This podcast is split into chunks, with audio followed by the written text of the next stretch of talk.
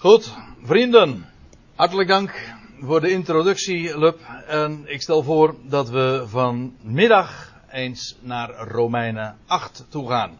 Met elkaar. Ehm, ik zal u zeggen dat de keuze van het onderwerp ook wel een klein beetje is ingegeven door ehm, het feit dat het vandaag eerste Pinksterdag is. En als ik nou meteen maar met een chagrijnige opmerking mag beginnen, dan dan zeg ik dat ik op zich niet zo heel veel met de christelijke kalender heb en al die hoogtijden. Maar eh, aan de andere kant, het is altijd wel weer een aardige en mooie aanleiding om, en een mooi opstapje om een bijbels thema als de geest van God, of uitdrukkingen die van diezelfde orde ongeveer zijn, om die met elkaar te bespreken. Nou, dat wil ik vanmiddag ook heel graag eens met u doen. Uh, ik heb aan, eh, op het eind, vandaag nog, de ondertitel eventjes gewijzigd. Want in aanvang had ik twaalf kenmerken van Gods geest in Romeinen 8 uh, eh, hier genoteerd. Maar, dat heb ik eventjes moeten inkorten. Want uh, 12 kenmerken, dan ga ik over de 70 minuten heen. En dat, en dat wordt weer problematisch in verband met de videoopname.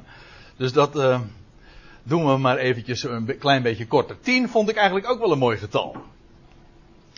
En u ziet, als titel gaf ik het mee, de geest van het leven. En we zullen hem straks al heel gauw tegenkomen in de bespreking van Romeinen 8. Prachtige uitdrukking. De geest van het leven. En die twee uitdrukkingen, of die twee woorden, geest en leven, blijken ook alles met elkaar te maken hebben. Sterker nog, ze zijn vaak zelfs volstrekt synoniem. Geest is zelfs leven. En wat voor leven? En wat voor geest dan ook wel? Wel, laten we meteen maar eens eventjes dan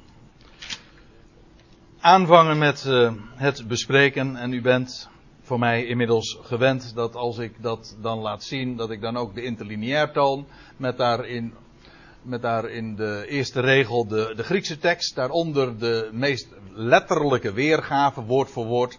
En in het grijs ziet u dan de wijze waarop de NBG dat heeft weergegeven, zodat u dat met precisie ook kunt nagaan. Hè, zodat we zo dicht als mogelijk bij de tekst, de grondtekst die Paulus in dit geval genoteerd heeft, uh, dat we daarbij komen.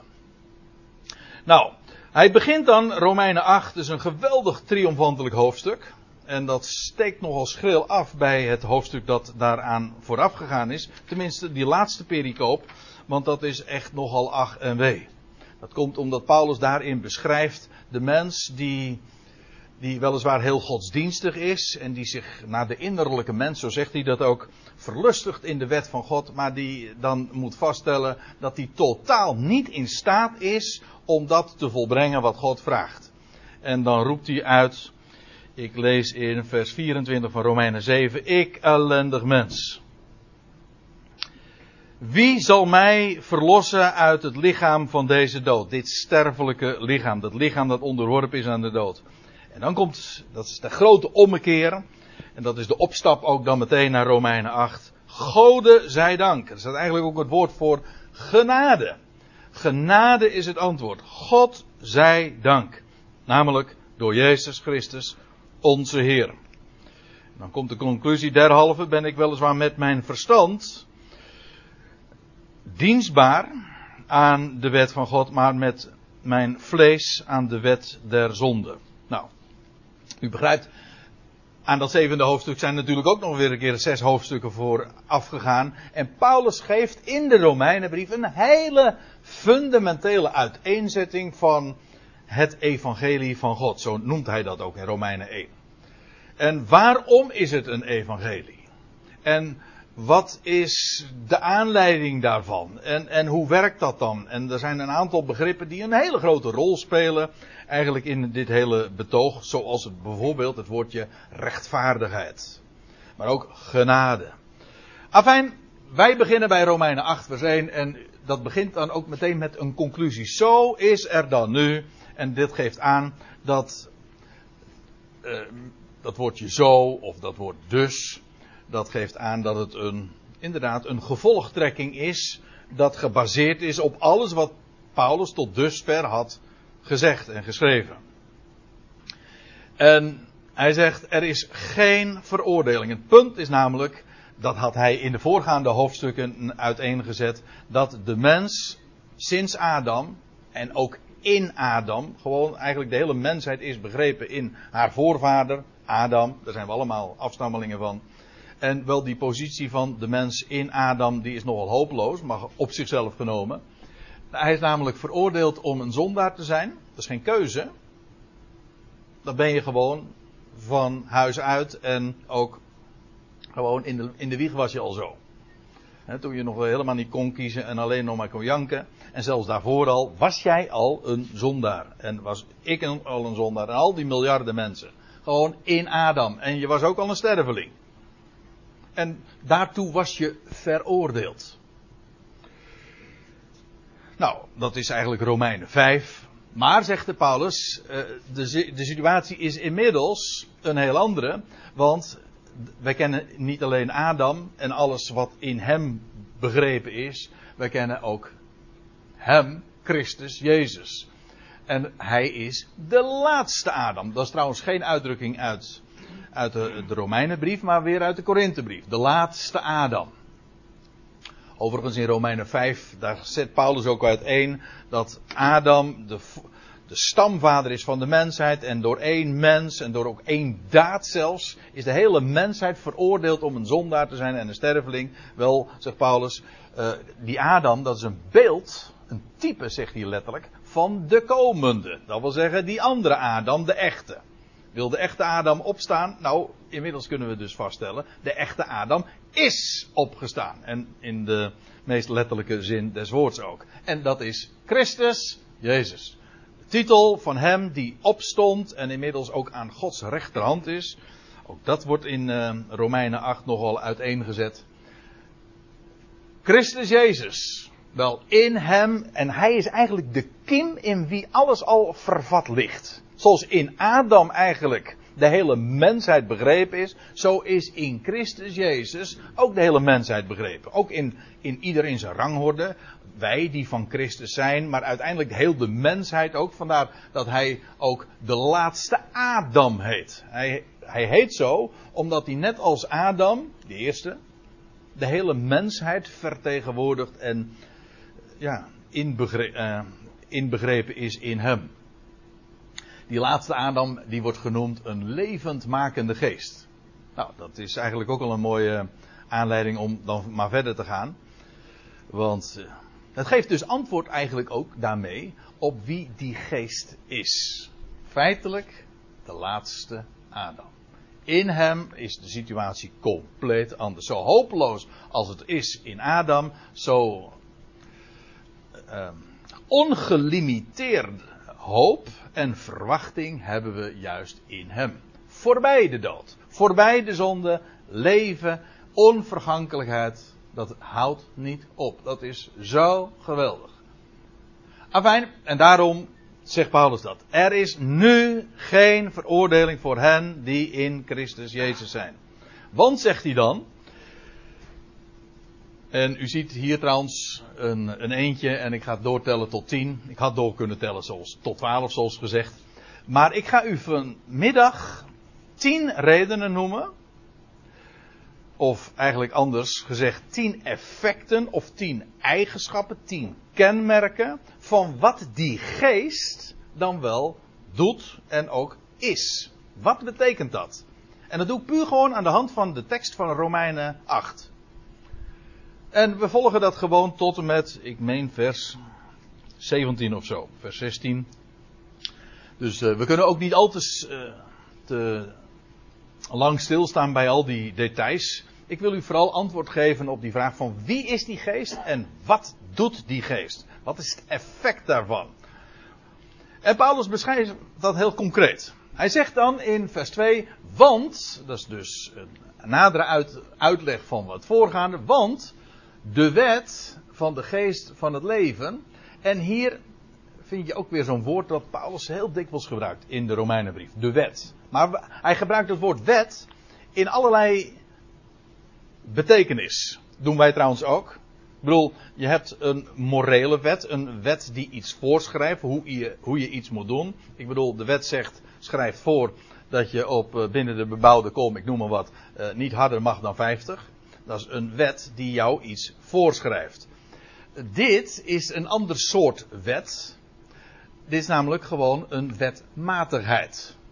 Dat, zo van, dat kan niet anders. Ik bedoel, we spreken ook over de wet van de zwaartekracht. Uh, de wet van de zwaartekracht schrijft niet voor dat een, uh, dat een, uh, een apparaat of een dingetje dat ik loslaat naar beneden valt. Dat schrijft hij niet voor. Het is gewoon eigenlijk een.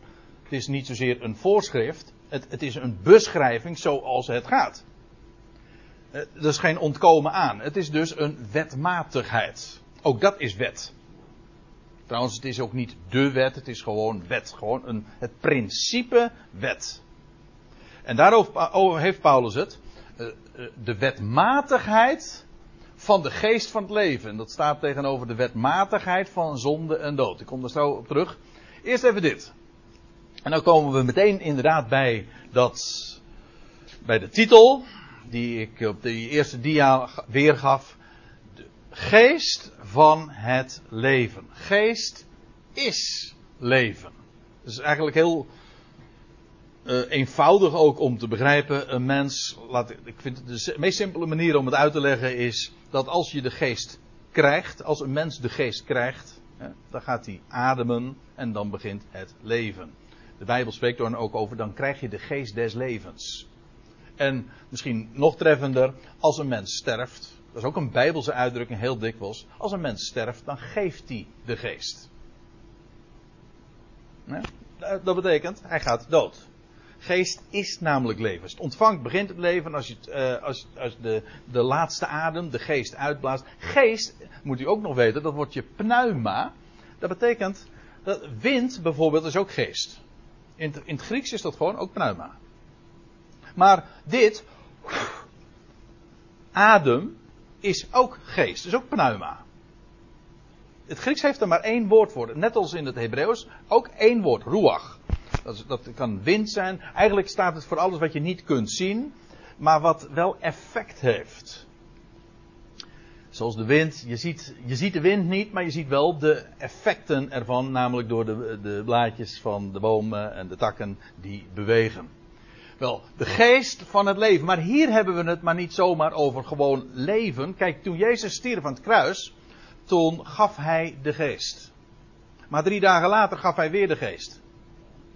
Ja, hij kreeg toen geest. Kijk, op het kruis gaf hij geest, namelijk sterfelijk leven. Stierf. Drie dagen later werd hij opgewekt door Gods geest.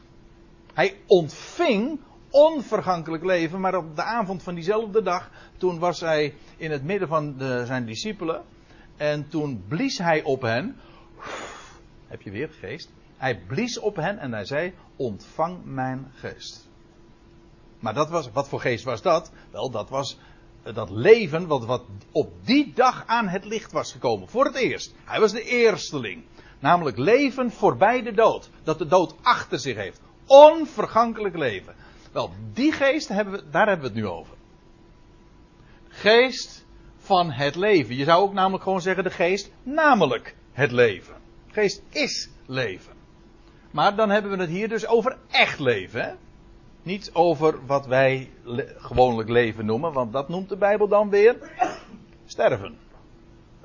We zijn stervelingen. We zijn, dit is geen leven wat je, wat je in je lichaam hebt. Dat is het proces dat de dood voor zich heeft. We sterven. Dit is echt dus leven. Dus ook geest met een hoofdletter. Dat wil zeggen geest van God en ook geest, heilige geest. Ja, hoe moet je dat dan uitdrukken? Nou, uh, dat, kun je dus, uh, dat kunnen we doen door uh, hoofdletters te gebruiken. Dat is altijd een beetje verwarrend soms. Want ja, moet je, is geest mensen hebben daar ik, dikwijls ook de conclusie uitgetrokken, maar dat heeft dan weer te maken met de leer van de drie-eenheid, dat de geest een aparte persoon is, en dan is de geest een aparte, eigenlijk ook een naam van een persoon, een afzonderlijk persoon. En ja, dan, dan moet je dat dus met een hoofdletter schrijven. Hè? André schrijf je met een hoofdletter, want dat is een persoonsnaam. En dan is de geest ook een aparte persoon en daarom schrijf je met een, met een hoofdletter. Nou, dat is een misverstand lijkt mij. De geest van God is niet een andere persoon, het is gewoon de geest van God. Zoals mijn geest ook niet een andere persoon is dan, dan ik zelf. Het is gewoon mijn geest. Maar met een hoofdletter kun je het wel schrijven, maar dan om aan te geven dat het geest is van een hogere orde. Het is geest van God. En ook geest omdat het onvergankelijk leven is. Dus ja, dat soort dingen moet je even weten. U ziet, in het Grieks hebben ze dat probleem niet. Uh, daar zijn namelijk altijd hoofdletters. of dat probleem hebben ze niet, maar ze hebben ook niet de mogelijkheid om dat dan dat verschil uit te drukken. Afijn.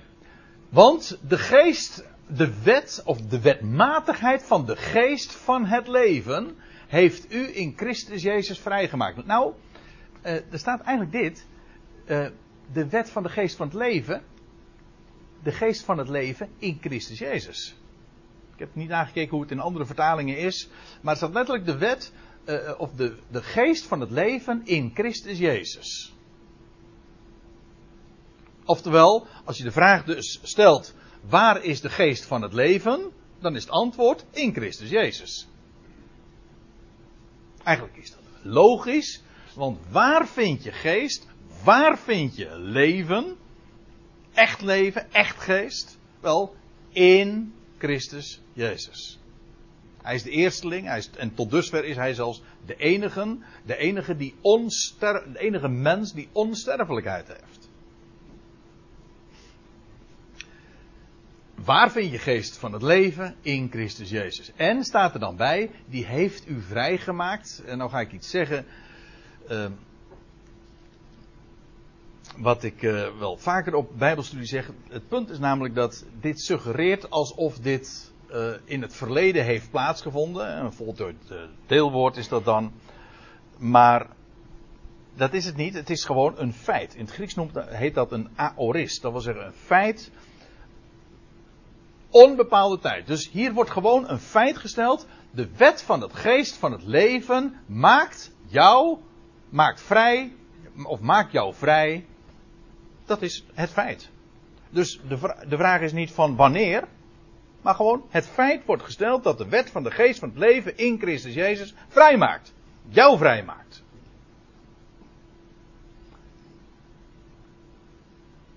Dus net zoals de geest van Adam ons zondag maakt. Ja, iets soortgelijks. Ja. En dit maakt vrij. Zoals hetzelfde woord wordt ook gebruikt over, voor, voor uh, in Romeinen, of nee, in uh, Johannes 8. Er wordt er gezegd: de waarheid maakt vrij. Zoals de leugen slaaf, verslavend werkt en een slaaf maakt. Wel, de waarheid maakt vrij. En die wet van de geest van het leven, die maakt in Christus Jezus, die maakt jou vrij. En, als, en daar hoef je niks voor te doen. En het is ook geen opdracht, het is namelijk een feit. Dat is heel belangrijk. En dan staat erbij van.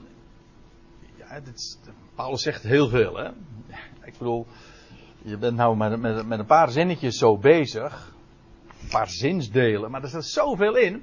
Die wet van de geest van het leven, die maakt in Christus Jezus, die maakt jou vrij van wat dan wel? Wel van de wet der zonde en des doods. De wet der zonde betekent niet dat die wet jou gebiedt om zonde te doen. Dat begrijpt u wel, hè? Nee, dat is de wetmatigheid van de zonde. En, die wet van, en de wet des dood betekent niet dat jij moet sterven. Uh, in de zin van uh, als een opdracht. Nee, het is gewoon een gegeven. Het is een wetmatigheid. Die heerst in ons. Zoals je onderworpen bent aan de wet van de zwaartekracht, ben je onderworpen, is de mens van huis uit, van nature, onderworpen aan die wet, wetmatigheid van zonde en dood goede nieuws is, Christus Jezus. Hij is opgestaan uit de doden en in hem is de geest van het leven. En zoals het één, in de waarheid in Adam, een mens een zondaar en een sterveling maakt, maakt de geest van het leven, de wet van de geest van het leven in Christus Jezus, maakt jou vrij. Daarvan plaatst jou in een heel andere sfeer, een heel andere omgeving. Nou, dat is, uh, dat is het eerste antwoord op de vraag van wat die geest doet. Nou, die maakt jou vrij. Die maakt een mens vrij. Namelijk van zonde en van dood. Eigenlijk is dit ook alweer een conclusie van wat Paulus ook in de voorgaande hoofdstukken al had geleerd en uiteengezet. Eigenlijk de, groot, de grote waarheid van het hele, ja, van het hele evangelie, van het goede bericht dat, dat we in de brieven vinden opgetekend, dat is de waarheid. Het graf is leeg. De eersteling die op de, de dag van zijn opstanding blies op, op de zijnen, op zijn discipelen. Wel, hij is de eersteling en dat maakt ineens alles anders. Zonde en dood, wie heeft het er nog over? Dat ligt achter ons. In hem is er een totale nieuwe schepping. Waar zonde en dood eh, geen rol meer spelen. Het ligt helemaal buiten die sfeer. En zo rekenen we. Dat is ook wat, uh, wat de apostel dan uiteenzet. Zo mogen we ook rekenen. Dit is een feit. Het op. Ik heb het inderdaad in de aantekening nog even bijzet. Het is geen opdracht. Het is feit. Dit goede nieuws. En eh, weet u wat het, uh, het mooie van dat goede nieuws is? Dat vraagt niet van om iets te doen. Dat vraagt, het, het is een bericht. Het is een mededeling. En wat kun je met een mededeling? Wel, dan kun je eigenlijk maar één ding doen. En dat is geloven en je kunt doorgeven. Dat is ook nog zo. Daar is het een bericht voor. Maar geloven. Als je op het moment dat, het, dat je er amen op zegt, dan, dan is het ook een kracht gods. Het is een kracht gods voor een ieder. Romeinen 1, vers 16. Voor een kracht gods voor een ieder die gelooft. Die er amen op zegt. Er valt namelijk niks aan te doen. Het, is, het feit ligt er. Afijn. Want, zegt Paulus dan in vers 3, eh, want wat de wet niet vermocht, dat wil zeggen, wat, waartoe de wet onvermogend was. Hoezo? Nou, ze was zwak door het vlees. Ook dit is iets wat Paulus in Romeinen 7 dan uiteenzet. Hij zegt, die wet die mag dan heilig, rechtvaardig en goed zijn. Maar de, het punt is, uh, in de mens blijkt zij in het vlees, blijkt ze totaal niet in staat te zijn om, om dat wat God vraagt uh, te doen. Sterker nog, de wet prikkelt de zonde. Door op het moment dat de, de wet zegt van je mag dat, gij zult niet begeren, wordt de begeerte aangewakkerd. Vertel ik niet door, dat staat gewoon in Romeinen 7. En er staat in, in 1 Korinthe 15 zegt Paulus het. Doet hij nog een schepje bovenop en dan zegt hij: Het is zelfs de kracht der zonde. Als je de zonde wilt bekrachtigen, moet je tegen een mens vertellen: uh, dat mag je niet doen. Op zich, wat ik nu even zeg, dat is meteen ook een hele. Het is een pedagogische waarheid. Uh, maar het werkt, dat heeft zoveel consequenties. Maar het evangelie is ook niet de. Is ook niet de boodschap van wat een mens zou doen, maar het is het stellen van een feit. De wet, wat de wet niet vermocht. Waarom? Wel, de mens is zwak. Of ja, de mens. Uh, nee, de wet is zwak. Waardoor? Wel vanwege het vlees. God heeft echter. Door zijn eigen zoon te zenden in een vlees aan dat der zonde gelijk. Dat wil zeggen, Gods zoon die kwam in het vlees. Zoals alle mensen. Nou ja, uitgenomen de zonde, maar niettemin, Gods zo, zijn eigen zoon kwam in een vlees. Eh, zoals alle die andere zondaren ook in het vlees waren. En wel om de zonde, God heeft zijn eigen zoon gezonden, en wel om de zonde, dat wil zeggen, God zond zijn zoon juist ook om een einde te maken aan de zonde. Dat was Gods motief. En hij heeft de zonde veroordeeld in het vlees. Dat is een moeilijke zin hoor. Als je het zo leest. Maar hij heeft de zonde veroordeeld en. Maar ik zeg het is een moeilijke zin. Mag, Paulus zegt daar nogal veel in. Dus je moet heel, heel goed eventjes op je quivive eh, zijn. Van wat, wat zegt hij hier? Wel, het betekent in ieder geval dat de zonde is veroordeeld in vlees.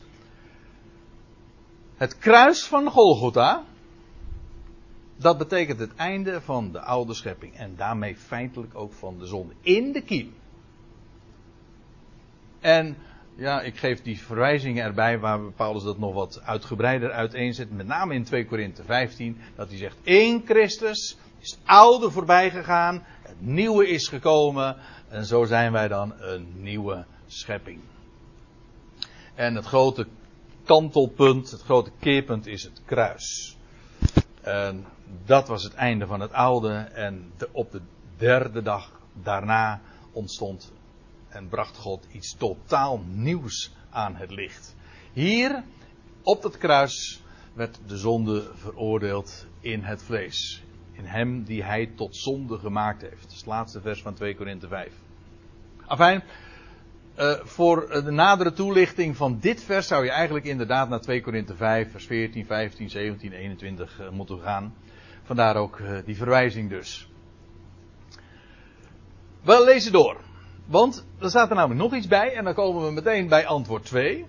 Wat is effect? Wat doet die geest? Nou, dan staat er in vers 4 bij. Opdat de eis der wet, of eigenlijk de, de, rechtvaard, de rechtseis van de wet, vervuld zou worden in ons. En dit is iets wat gemakkelijk misverstaan kan worden. Want mensen hebben hier de conclusie uitgetrokken dat hey, is de wet dan toch onze richtsnoer? Moet dan de eis van de wet eh, door ons vervuld worden? Nee, dat zegt hij eh, helemaal niet. A, het zou in strijd zijn met het voorgaande, want had Paulus niet in Romeinen 6 en 7, dus pal in de hoofdstukken die hieraan vooraf gaan, gezegd van dat we dus niet meer onder de wet zijn. Maar dat, hij beweert het ook niet. Ik zal het ook laten zien. Het punt is namelijk, wat, hij, wat Paulus leert, is dat wij die de geest ontvangen. Dat wil zeggen, we geloven in Christus, zijn woord. En zoals in de inleiding al gezegd werd. Op het moment dat je zijn woord ontvangt. Het woord van leven. Dan heb je ook de geest ontvangen. Mijn woorden, zegt de Heer Jezus, zijn geest en leven. Johannes 6. Dus als je zijn woord ontvangt en het woord van zijn opstanding en hem als de, de levende kent, dan heb je zijn woord ontvangen. Maar zijn woord is kracht, zijn woord is leven, dan heb je het leven in je ontvangen. En, maar die geest, die produceert ook wat. Namelijk vrucht. het, het vlees werkt, de Bijbel spreekt over de werken van het vlees maar spreekt over de vrucht die automatisch groeit. De vrucht van de geest. De geest produceert vrucht en die produceert een zodanige vrucht dat ver boven de eis van de wet uitgaat.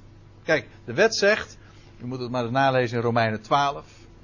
De wet zegt, ge zult niet stelen, ge zult niet echt breken, ge zult niet uh, doodslaan, etc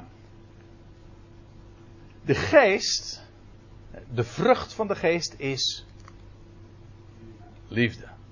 En liefde heeft een achttal kenmerken. En het eerste kenmerk is blijdschap, vrede, langmoedigheid. Nou, dat kunt u dan weer lezen in Galaten 5. Maar degene die lief heeft, werkelijk lief heeft, wel, die doet de naaste geen kwaad. Dus die zal niet stelen van hem of uh, zijn partner uh, uh, het huwelijk breken of de ander doodslaan, uh, al, al dat soort dingen. Ik bedoel, de wet vraagt dat en zegt dat en gebiedt dat, maar degene die de, de geest heeft en waarin de geest leeft en produceert, wel, de eis der wet wordt dan vervuld. Niet omdat je bezig bent met die wet, helemaal niet. En sterker nog, het is ook niet een productie van onszelf, maar het is de geest die dat produceert. Het is de vrucht van de geest. En dat gaat ver boven de wet uit.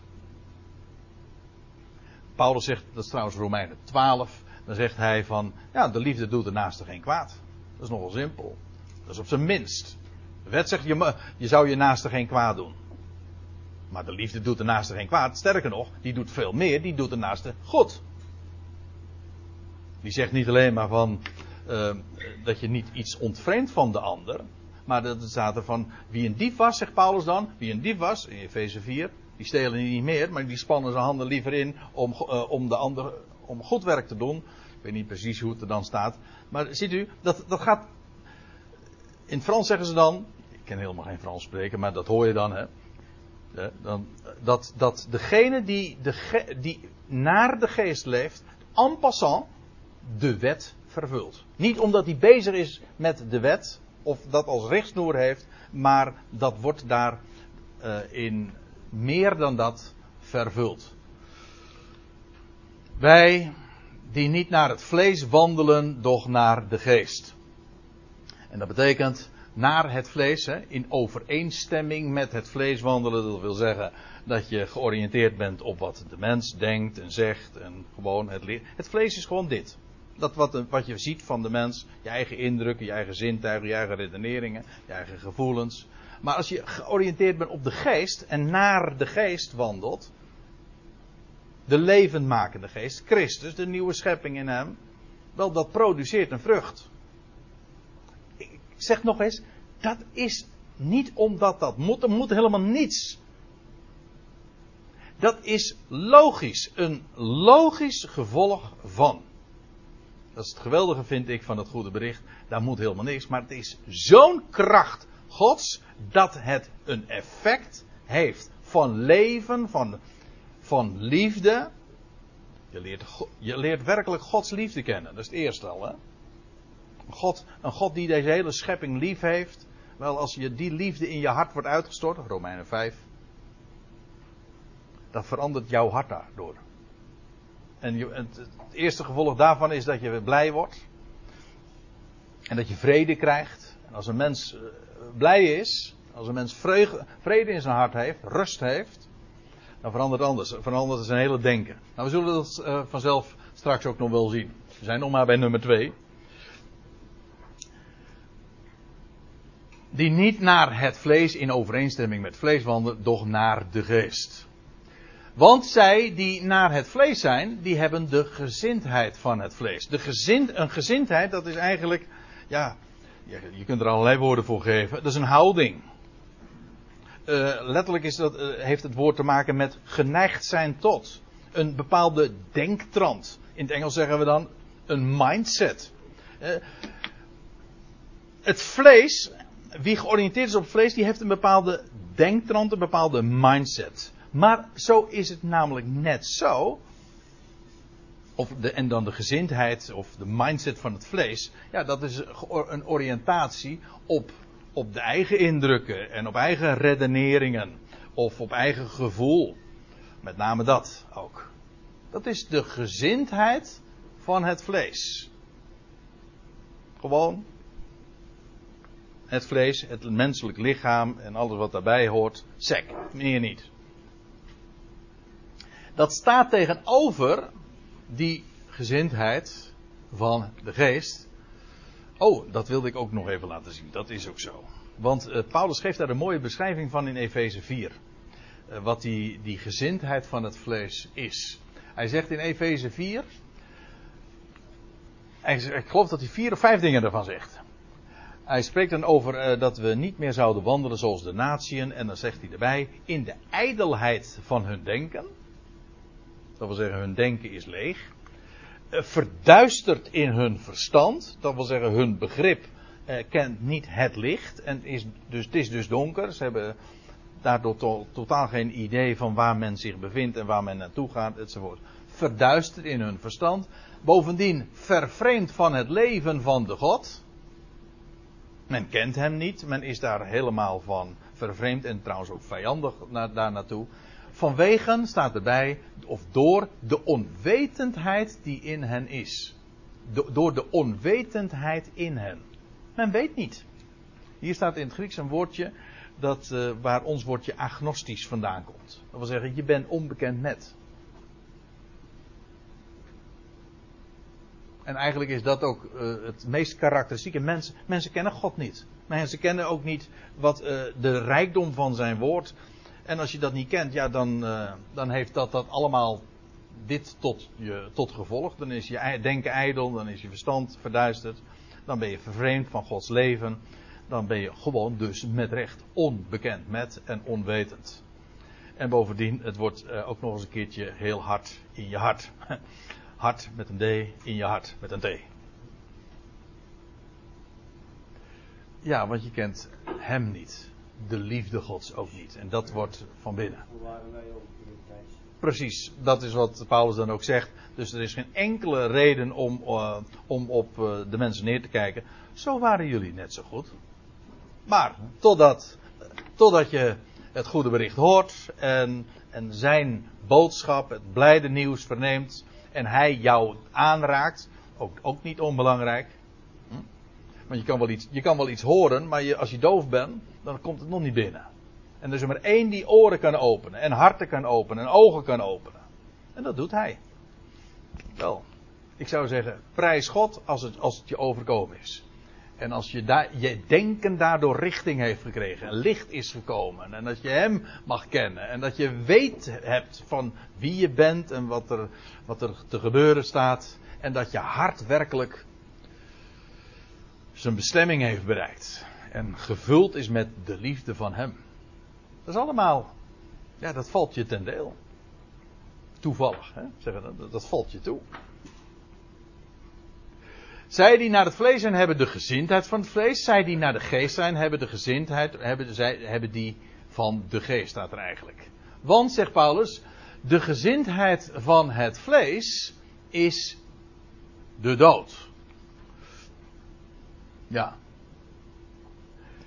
Um, ja, want weet u, het, het vlees gewoon, de mens van nature, weet één ding je bent een sterveling. Je gaat dood. En vandaar ook dat eigenlijk het hele denken, ook die hele mindset, daarop gericht is. Je, je hebt niet meer. Dat is ook de, de limit. Uh, verder kun je niet, daar loop je tegenaan. Dat is de gezindheid van het vlees. En vandaar, en vandaar ook dat de mens zijn bestemming niet vindt, zijn doel mist. Een mens is geschapen voor het leven, dus als je je doel mist, ja, dan ga je dus dood. Dus eigenlijk het meest karakteristieke voor een zondaar is eigenlijk ook dat hij doodgaat. Dan mis je met recht je doel. Je leeft niet. In, al, in alle betekenissen van het woord. De gezindheid van het vlees is dood, maar het staat er dan. Ja, die kan had je zelf gewoon kunnen invullen. De gezindheid van het vlees is dood, maar de gezindheid van de geest, dat is leven. Hier zie je trouwens weer, geest is leven, natuurlijk. Maar we hebben het nu dus over leven met inderdaad hoofdletters. En daarmee bedoel ik leven dat onvergankelijk is. Waar is dat ook alweer te vinden? In Christus Jezus. Daar. En zoals Paulus zegt in Romeinen 6. Hij stierf eens voor altijd uh, en hij is nu door God opgewekt en hij leeft en hij sterft niet meer. Kortom, hij ligt buiten het bereik van de dood. Dat is dus met recht onvergankelijk leven. De gezindheid, die hele mindset, ook van de geest. Wie eenmaal dat heeft leren kennen, krijgt een totaal ander bestaan. Die, kijkt, die, die wandelt misschien in dit sterfelijke lichaam nog in diezelfde wereld. Hè, als, als al die andere miljarden mensen. Maar je kijkt op een heel andere manier. Je bent niet meer onwetend, je weet. Je bent bekendgemaakt met wie hij is. De bestemming, waar je vandaan komt. Kortom, alles wordt anders. En ineens, en van dood, waar eigenlijk de hele wereld door gedomineerd wordt, is ineens leven. Dat sterker is dan de dood. De gezindheid, die hele mindset, die houding, die denktrand van geest is leven. Dat is echt goed nieuws. Dat is echt goed nieuws. Het beste nieuws wat je aan de sterveling kan geven, dat is, er is leven. Er is echt leven. En het is zelfs een feit. De steen werd weggerold. En sindsdien, sinds die tweede, kleine 2000 jaar geleden, is er echt dit leven. En vandaar die gezindheid van geest is leven. En er staat erbij, en vrede. Dat gaat hand in hand. Dood staat tegenover leven en vrede staat tegenover. Ik je twee dingen zeggen: oorlog. Kunt ook zeggen vijandschap. En dat het zo is, dat blijkt wel, want uh, het volgende vers staat er. Daarom, dus nadere toelichting, dat de gezindheid van het vlees vijandschap is tegen God. Wie vijandig is, is dus niet in een houding van vrede. Toch? En God maakt vrede. Dat wil zeggen door vijanden te verzoenen. Verzoenen betekent ook niks anders dan vrede maken. En een vijand tot een vriend maken. Zodat de relatie niet meer door vijandschap gekenmerkt wordt, maar door vrede. Wel, de gezindheid van het vlees is vijandschap en ook trouwens vervreemding van God. We weten niet wie hij is en dus de wereld staat in het algemeen vijandig tegenover God. Let op, men denkt dat God tegen hen is. Men is ook bang van God.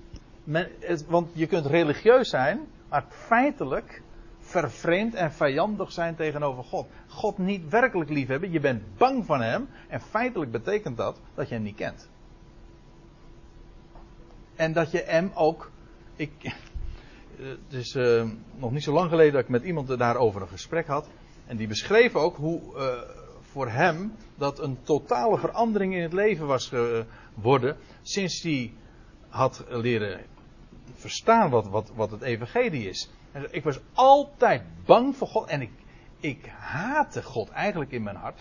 Hoewel hij ontzettend religieus was. Maar hij hield niet van God. Hij was bang van God. En maar om, omdat je weet van ja, het is toch wel God. Dus moet je dat, moet je hem ja, te vriend zien te houden. Of, nee, niet te houden. Maar in ieder geval hem gunstig proberen te stemmen. Zo, dat idee dan. Maar feitelijk zit daar vijandschap achter religie betekent niet dat je dus God lief hebt. betekent juist dat je bang voor hem bent en dat je God probeert gunstig te stemmen. Afijn. De gezindheid van vlees is vijandschap naar God toe. Uh, het onderwerpt zich niet, of letterlijk, het wordt niet ondergeschikt gemaakt, het wordt niet onderworpen aan, aan de wet Gods. En zegt Paulus erachteraan, het kan het ook meer niet. Dat kan het niet. Dat is het, het vlees is daartoe domweg niet in staat. Zij die, nog duidelijker, zij die in het vlees zijn, zij die in vlees de positie dus van de mens, gewoon van nature, van huis uit, die kunnen goden of kunnen God niet behagen. Kan niet. Dus zie je, daarin, dit schildert allemaal de enorme afstand tussen de mens en God. Dus een zondaar, is een sterveling. En zelfs als die godsdienstig gestemd is, of gezind is, dan nog kent hij God niet. Hij probeert God, uh, hij probeert God misschien gunstig te stemmen. En hij probeert de, allerlei wetten te houden en dingen niet te doen. Maar hij blijkt daartoe, wordt daar alleen maar in gefrustreerd. Want je bent niet in staat daartoe en het geeft nooit bevrediging. Nou, dat is, een, dat is dus echt een hopeloze situatie, als je mij vraagt. En dat is precies wat Paulus ook zegt. Zij die in het vlees zijn, gewoon de mens van huis uit, die kan God niet behagen. Vlees, geest. Die twee. Jullie daarentegen, meervoud, jullie daarentegen zijn niet in vlees, maar in geest. Ik laat dat de even weg. Gewoon in. Wat is jullie positie? Nou, niet meer in vlees, maar in geest. Let op, Paulus beziet deze jullie. Dus in Christus. Wij zijn in Hem een nieuwe schepping. Wij zijn niet meer in vlees. Hij rekent ons in Hem. Dat is, ons, dat is onze positie. Zo rekent God ons. Dus begrijpt u wat ik nu zeg? Oh, en begrijpt u wat Paulus hier zegt? Want je kunt natuurlijk vragen van hoezo? We zitten, toch, we, zitten hier toch gewoon in uh, Urk. En, uh, en we hebben net een kopje koffie gedronken. En we en, uh, en we zien elkaar, dat is toch allemaal vlees. Hoezo, we zijn niet in vlees? Dit is toch allemaal vlees? Ja, maar zo rekent God niet. God ziet ons nu volmaakt in Christus Jezus. Hij ziet ons nu al zoals wij straks zullen zijn. En dat betekent dus dat als je in geest wandelt, dat je georiënteerd bent op wat, zijn, wat hij verklaart. Hoe hij ons ziet, dat is het enige wat er echt toe doet. Dus dat is niet een, uh, een beoordeling op basis van je zintuigen, of van je eigen conclusies, of op, je, op basis van je verleden. Nee, wij, wij beoordelen elkaar gewoon naar wat God zegt en hoe hij ons nu ziet in zijn zoon en wat wij straks ook daadwerkelijk, ik bedoel lichamelijk, concreet, in onze beleving straks zullen zijn. Dat is een totaal andere manier van, uh, van denken en van beschouwen ook. Jullie daarentegen zijn niet in vlees, maar in de geest. Ik heb er nog één trouwens, die wil ik even noemen. Gisteren las ik hem nog voor. In Colossense 2, daar zegt Paulus van, waartoe, waartoe laten jullie alsof, je, alsof jullie, eh, Colossense 2, alsof jullie nog in de wereld waren. Uh, geboden opleggen, leerlingen van mensen, raak niet, smaak niet, roer niet aan. Maar het gaat me even om die, die zinsnede van alsof jullie nog in de wereld waren. Dan zeg je, kijk, dan zou je ook kunnen zeggen, uh, sorry Paulus, maar zijn we dan niet in de wereld? Hm? Nee, hij zegt, we zijn in Christus. Bedenk de dingen die boven zijn, waar Christus is, die uw leven is uw leven is met Christus verborgen in Hem. Bij God. Vandaar ook, die dingen bedenken we. Kijk, zo rekent God ons. Dat is het enige wat echt uh, telt en wat van belang is. Jullie daarentegen zijn niet in vlees, maar in geest. In geest. Leuk hè? Ik zeg, want in geest, als je dat. Uh, ons woord inspiratie. Dat in, nou dat is duidelijk wat dat betekent, maar dat spiratie, inspireren, dat zit het woordje spirit in. En dat is uiteraard geest. Wel, over inspiratie gesproken. Dit inspireert, dit feit, wat wij zijn in Christus, dat, is, dat inspireert ons. Met recht. Dat is de geest die in ons blaast en die ons leidt. Ook dat zullen we nog zien. We zijn inmiddels bij het vierde antwoord. Op die vraag wat die geest doet. Maar goed. Uh, jullie daarentegen zijn niet in vlees, maar in geest.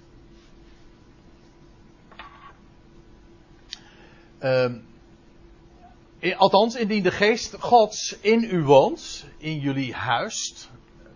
Let op, hier wordt gesproken over wonen. Dus maar niet een tijdelijk verblijf, het gaat over een permanent verblijf.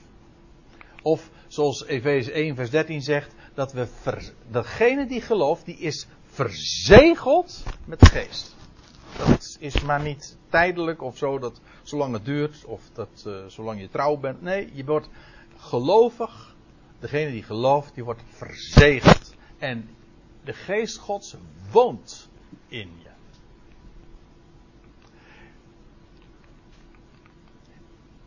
Indien Indien echter iemand de geest van Christus niet heeft, die behoort hem niet toe. Kijk, en eh, nou komen we terug op wat ik, waar ik het zojuist even over had. Uh, die geest van Christus, wat is dat? Wel, dat is inderdaad, dat zijn zijn woorden. Dat is dat wat van hem toebehoort. Mijn woorden zijn geest en leven. Dus eigenlijk is het wel heel eenvoudig. Als je, die geest die wij ontvangen, dat is niets anders dan het ontvangen van dat woord van Hem. Dat woord dat ook werkelijk geest is, kracht is en leven is. En wie Hem, en wie hem toebehoort, ja, dat is het hebben van zijn geest, dat is een kenmerk van wie hem toebehoort. Dat is trouwens een vijfde antwoord bezitten van zijn geest, zijn woord, het leven, dat is karakteristiek van hem nu al mogen toebehoren.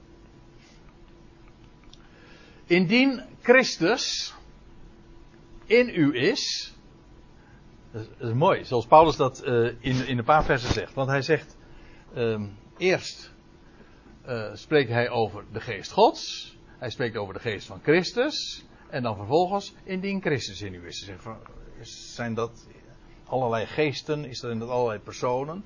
Nee, dat is helemaal niet aan de Hij zegt, Christus in jullie. Die Christus, dat is de levendmakende geest. Die geest van God, het heet geest van God, omdat het leven van God afkomstig is. En het heet geest van Christus, omdat het die uh, Christus de eersteling is van dat nieuwe leven. Dus het zijn verschillende namen, die verschillende dingen ook zeggen, gaat over één en hetzelfde fenomeen. Christus woont in ons, ja hoe dan wel? Hij is toch daar, jawel, maar hij woont door zijn geest, door zijn woord, op een onzienlijke wijze woont hij in ons. En dat is tevens de geest van God. Zodat, je, zodat het uiteindelijk toch een hele eenvoudige zaak is.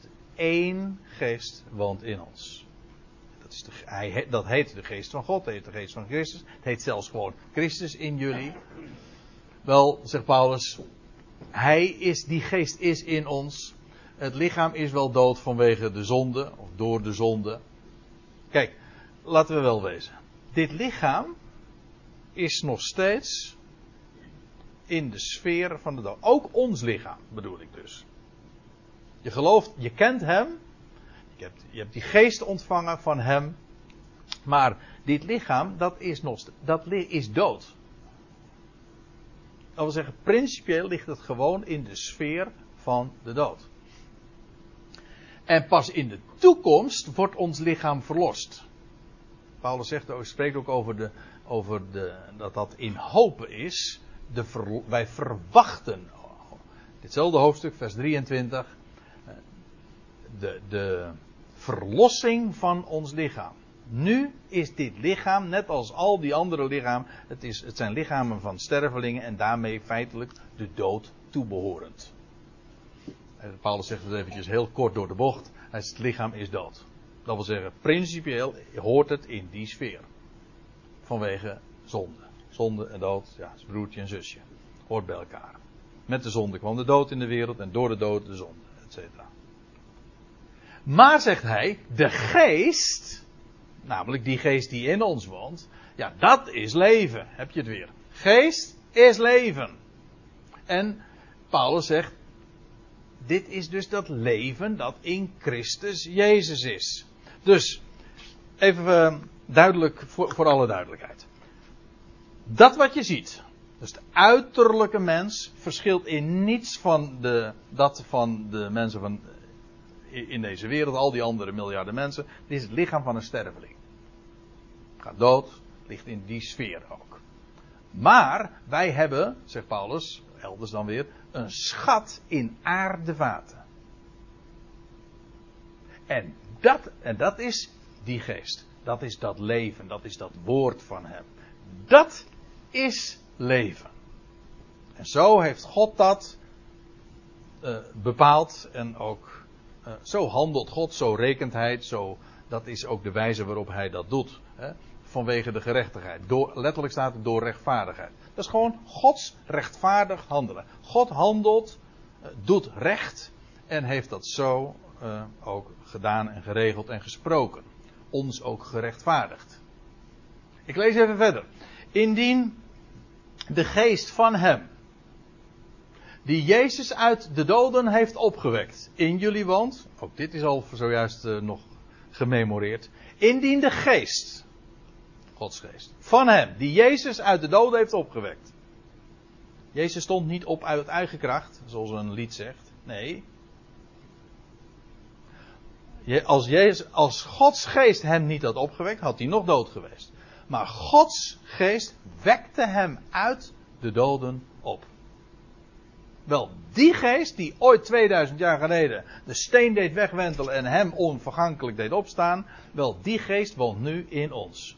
En als u hem kent en hem zijn woord beaamt, wel, dan diezelfde geest woont in ons. Daar moet je niet gering over denken. Het is exact dezelfde geest. Die power die hem uit de doden deed oprijzen, die woont in jullie. Dat is wat Paulus hier zegt. Wel, Paulus zegt, indien de geest van hem die Jezus uit de doden heeft opgewekt in, in jullie woont, dan zal hij die Christus Jezus uit de doden opgewekt heeft, ook uw sterfelijke lichamen, dat wil zeggen, dat zijn nu nog sterfelijke lichamen, te zijner tijd levend maken. Dat wil zeggen, dat is die verlossing van ons lichaam. Dat is een garantie dus. Dat is trouwens weer een antwoord op de vraag wat die geest nou is. Nou, dat is een, die geest die we hebben ontvangen is een garantie dat we straks door diezelfde geest waardoor Jezus ooit werd opgewekt, ook zullen worden opgewekt. Ja, hoe dan wel? Nou, door zijn geest die ook in jullie woont. Dus het is ook nog eens een keertje een aanbetaling, een, garantie, een eerste gave, zo eh, noemt Paulus dat in eh, vers 23. En dat is dus weer een antwoord op die vraag, ja, wat die geest nou betekent en is en doet.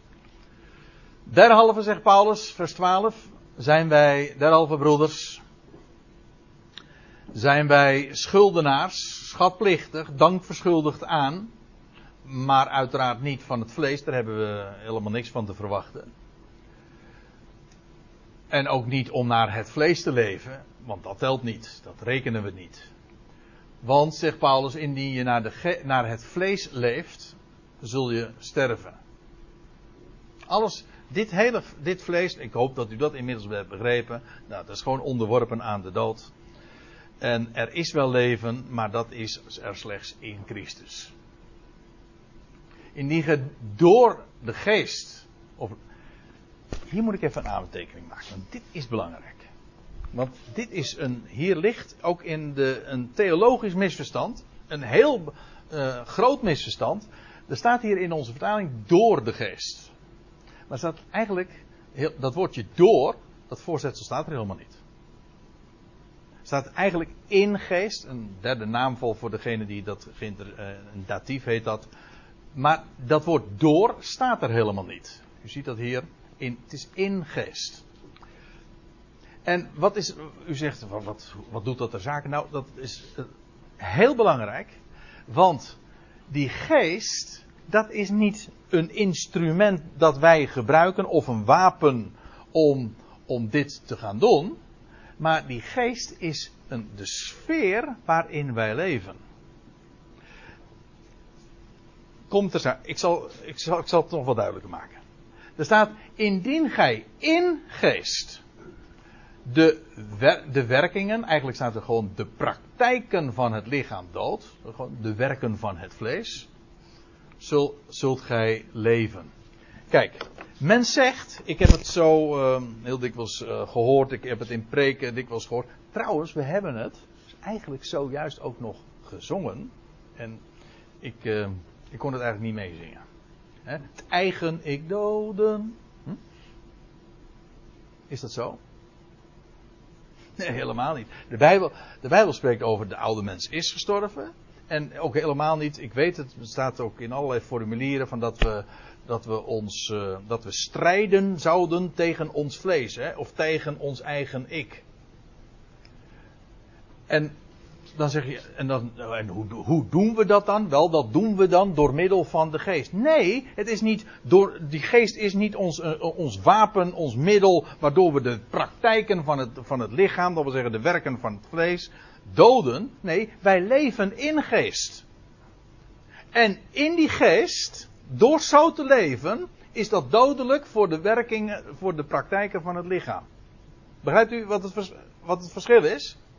Het is niet zo, wij strijden niet tegen de praktijken van het vlees. We strijden niet tegen het ik, we strijden niet tegen het vlees. Of we strijden, of nog een andere variant, strijden tegen de zonde. Weet je waar je door beheerst wordt als je strijdt tegen de zonde? Door de zonde. Heel simpel. Dan heb je één ding voor ogen en dat is, ik mag niet zondigen. Maar waar ben je, waar, waardoor word je dan beheerst? Nou, dan leef je onder de heerschappij van de zonde. Dat is de gods- godsdienstige variant, maar des te gevaarlijker, want dan lijkt het goed, maar het is, het is ook niet dat wij door de geest de praktijken van het lichaam doden. Het is de geest zelf. Het is geen strijd tussen ons en dat vlees, het is een strijd tussen geest en vlees. Wij zijn daarin geen, geen deelhebber van de strijd, wij zijn daarin, wij zijn daarin slagveld. Als u begrijpt wat ik bedoel. Dat wil zeggen, wij leven in de geest en dat is dodelijk voor de praktijken van het lichaam. En zo, alleen zo zul je leven. Met de zonde hebben we helemaal, helemaal niets van doen. Wij leven, hè, uh, zegt Paulus in Romeinen 6 zelf, dood voor de zonde. En we leven voor God. En door gewoon te leven voor God en bewust te zijn van onze positie in Hem. Wij, wij leven voor Hem. We zijn gerechtvaardigd.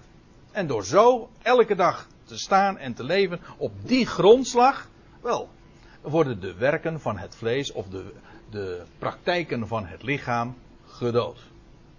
Niet door ons, maar in die sfeer, door te wandelen in die geest. Ik weet niet hoe ik het nog duidelijker moet maken, maar ik moet nog even verder. Dus uh, ik, ik, laat het hier eventjes bij. Want ik moet bij het nummer 10 aankomen, hè? binnen de 70 minuten, Luc. Uh, want allen, zegt Paulus, uh, die door, door de geest Gods geleid worden, die zijn zonen Gods. Heb je nog een antwoord op de vraag wat doet die geest? Nou, die geest, die geeft leiding. En die geest is ook een power, een kracht om dingen om te wandelen. Een power dus ook om dit te doen. Dat is wat de geest doet. Niet wij doen, maar wat hij doet. En die geest Gods leidt ons ook. Kortom, dat krijg je. Die geest ontvang je. En vervolgens is het een geweldige kracht. En het is ook die geest is meer dan uh, voldoende in staat om ons te leiden. Want allen die door de geest Gods geleid worden, door in, of die in geest van God worden geleid, zo staat het er, hè? die zijn zonen van God. Want jullie hebben niet ontvangen zegt Paulus, jullie namen niet in ontvangst een geest van slavernij om opnieuw te vrezen. Integendeel, we zijn vrijgemaakt. Daar begonnen we vanmiddag zo'n beetje mee. Hè? We zijn vrijgesteld in een hele nieuwe omgeving. In een totaal nieuwe schepping. In leven. En uh, in Christus Jezus. Want jullie hebben niet ontvangen een geest van slavernij eh, om opnieuw te vrezen, maar jullie hebben ontvangen de geest. Jullie hebben ontvangen geest van zoonschap. Door welke wij roepen Abba Vader. Zoonschap, daar staat in het Grieks een, woord dat betekent letterlijk zoonstelling. Je wordt tot zoon gesteld en in volle rechten. En dat betekent ook, uh, dat zegt Paulus dan in vers 17, dus ook erfgenaam. En die, dat zoonschap, die zoonstelling, heeft, brengt ook een verwachting met zich mee. En dat is de, de verlossing van ons lichaam. Op het moment dat ons lichaam. Niet, wij worden niet verlost van ons lichaam. Nee, ons lichaam wordt verlost. Dat is een heel groot verschil, hè? het idee, in de Griekse filosofie dacht men van ja, een mens, dat is die geest, of wat, er, wat daar dan ook voor doorgaat, die, moet, die zit in een kerker en die moet uit dat lichaam verlost worden. En dat zou dan de verlossing van ons lichaam zijn. Nee, helemaal niet. Niet, wij moeten niet verlost worden van ons lichaam. Ons lichaam moet verlost worden. Dit lichaam is nog sterfelijk en God heeft een heel nieuw lichaam in petto. Dat wil zeggen, een totaal getransformeerd lichaam een onvergankelijkheid, daar hebben we geen idee van. Maar dat gaan we straks krijgen. Maar dat wacht nog. Dat is de verlossing van ons lichaam. Maar die geest van het zoonschap, van die zoonstelling, die hebben we nu al. En wij, eh, wij gaan vertrouwelijk met God om. Hè? Want wij noemen, wij noemen die God, die al de hele schepping in zijn hand heeft, die een, een verwachting heeft voor heel de schepping. Dat vind ik een ja, dat is geweldig. Uh, jammer dat ik daar vanmiddag niet aan meer aan toe kom. Maar als je even doorbladert in, of doorleest in Romeinen 8, hè, dat over dat de hele schepping uh, wacht en nu ook in barensnood is. Maar de schepping, gewoon de totale schepping zal bevrijd worden van de slavernij van de vergankeling. Heel de schepping. Vergis je niet. Heel de schepping gaat, gaat verlost worden van die vergankelijkheid. Kortom, God is God. Maar hij heeft een geweldig plan met de schepping in zijn totaliteit en met ieder creatuur. Hij is met recht een vader. En zo kennen wij hem. We, we vrezen hem, we zijn niet bang voor hem. We hoeven hem ook niet gunstig te stemmen. Hij heeft ons lief. Zoals hij trouwens elk schepsel lief heeft. En hij heeft zijn liefde bewezen.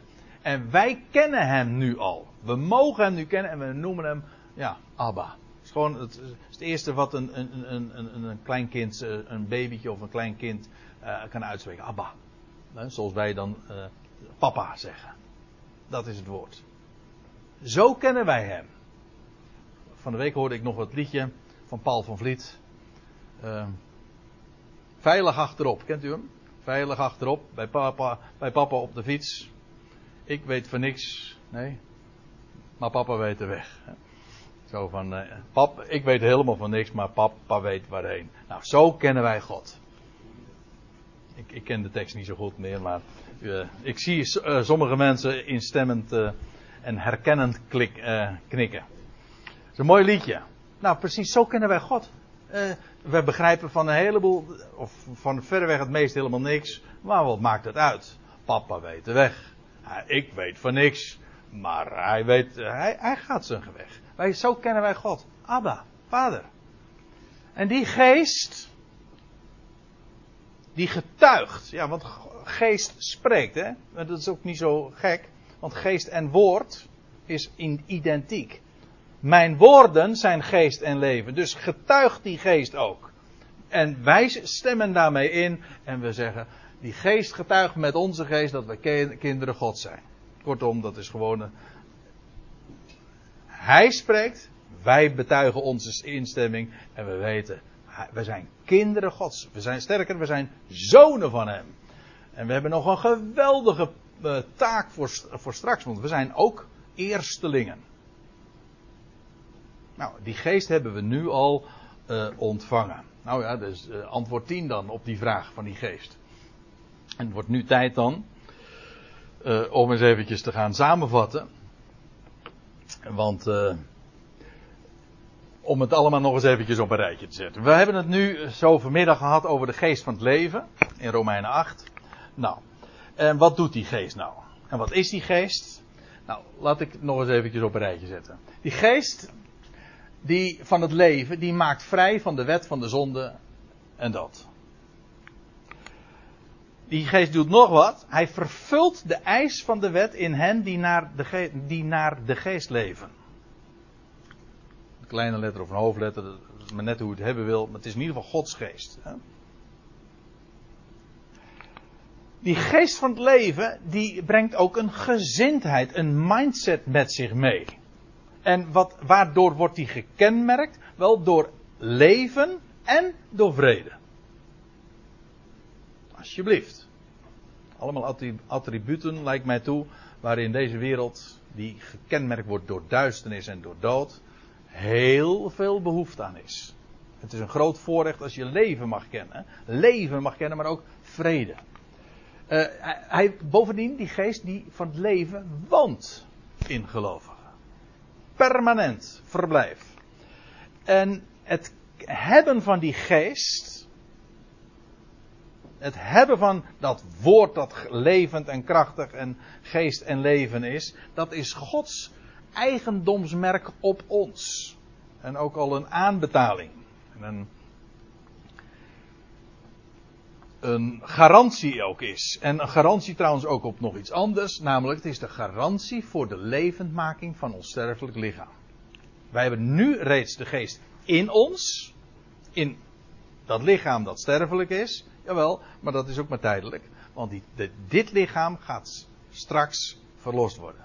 En de eerste aanbetaling, zo noemt Paulus dat ook, op een andere plaats, die hebben wij al. Dit is, die geest is een garantie daarvoor. Die geest doet nog iets heel belangrijks, wat wij zelf niet kunnen doen en ook juist uitdrukkelijk geacht worden niet te doen. Namelijk, die doodt de praktijken van het lichaam. Dat wil zeggen, uh, als je de, de werken van het vlees. Gewoon dat wat het vlees, de mens, zelf produceert. En nummer 8, we hebben het zojuist nog gezien. Die geest die leidt ons en is daar als geen ander toe in staat om ons, daar, om ons te leiden en om ons uh, een gezindheid te geven van vrede en van leven. Hij maakt ons zonen die God vertrouwelijk als Abba kennen. De God van het heelal, die is onze Abba, onze vader, onze papa, om zo te zeggen. En die geest getuigt ook van onze positie als kinderen van God. Nou, zo tien van die dingen die, zo, die we zo kunnen lezen als je Romeinen 8 uh, opslaat en dat leest. En dat zijn hele monden vol. En ik kan me voorstellen dat als u dat nou vanmiddag zo mij hebt, horen spreken. En tot, nou wat is het, vers 16 of 17 uh, heb, heb horen voorlezen. En een en ander aan toelichting heb horen geven. Dat u zegt van zo, dat is heel wat hoor. Dat heb ik heel vaak als ik als Paulus uh, lees. Maar laat het eens tot je doordringen. En natuurlijk, het is een eerste. Je moet eerst dit, deze dingen weten. En vervolgens dat, gaat het er ook om dat je het echt gaat beseffen. Oh, en dan wilde u nog even weten wat die andere dingen waren, die 11 en 12. Nou, dan heb ik hem hier nog eventjes voor degene die daar nog even verder mee wil.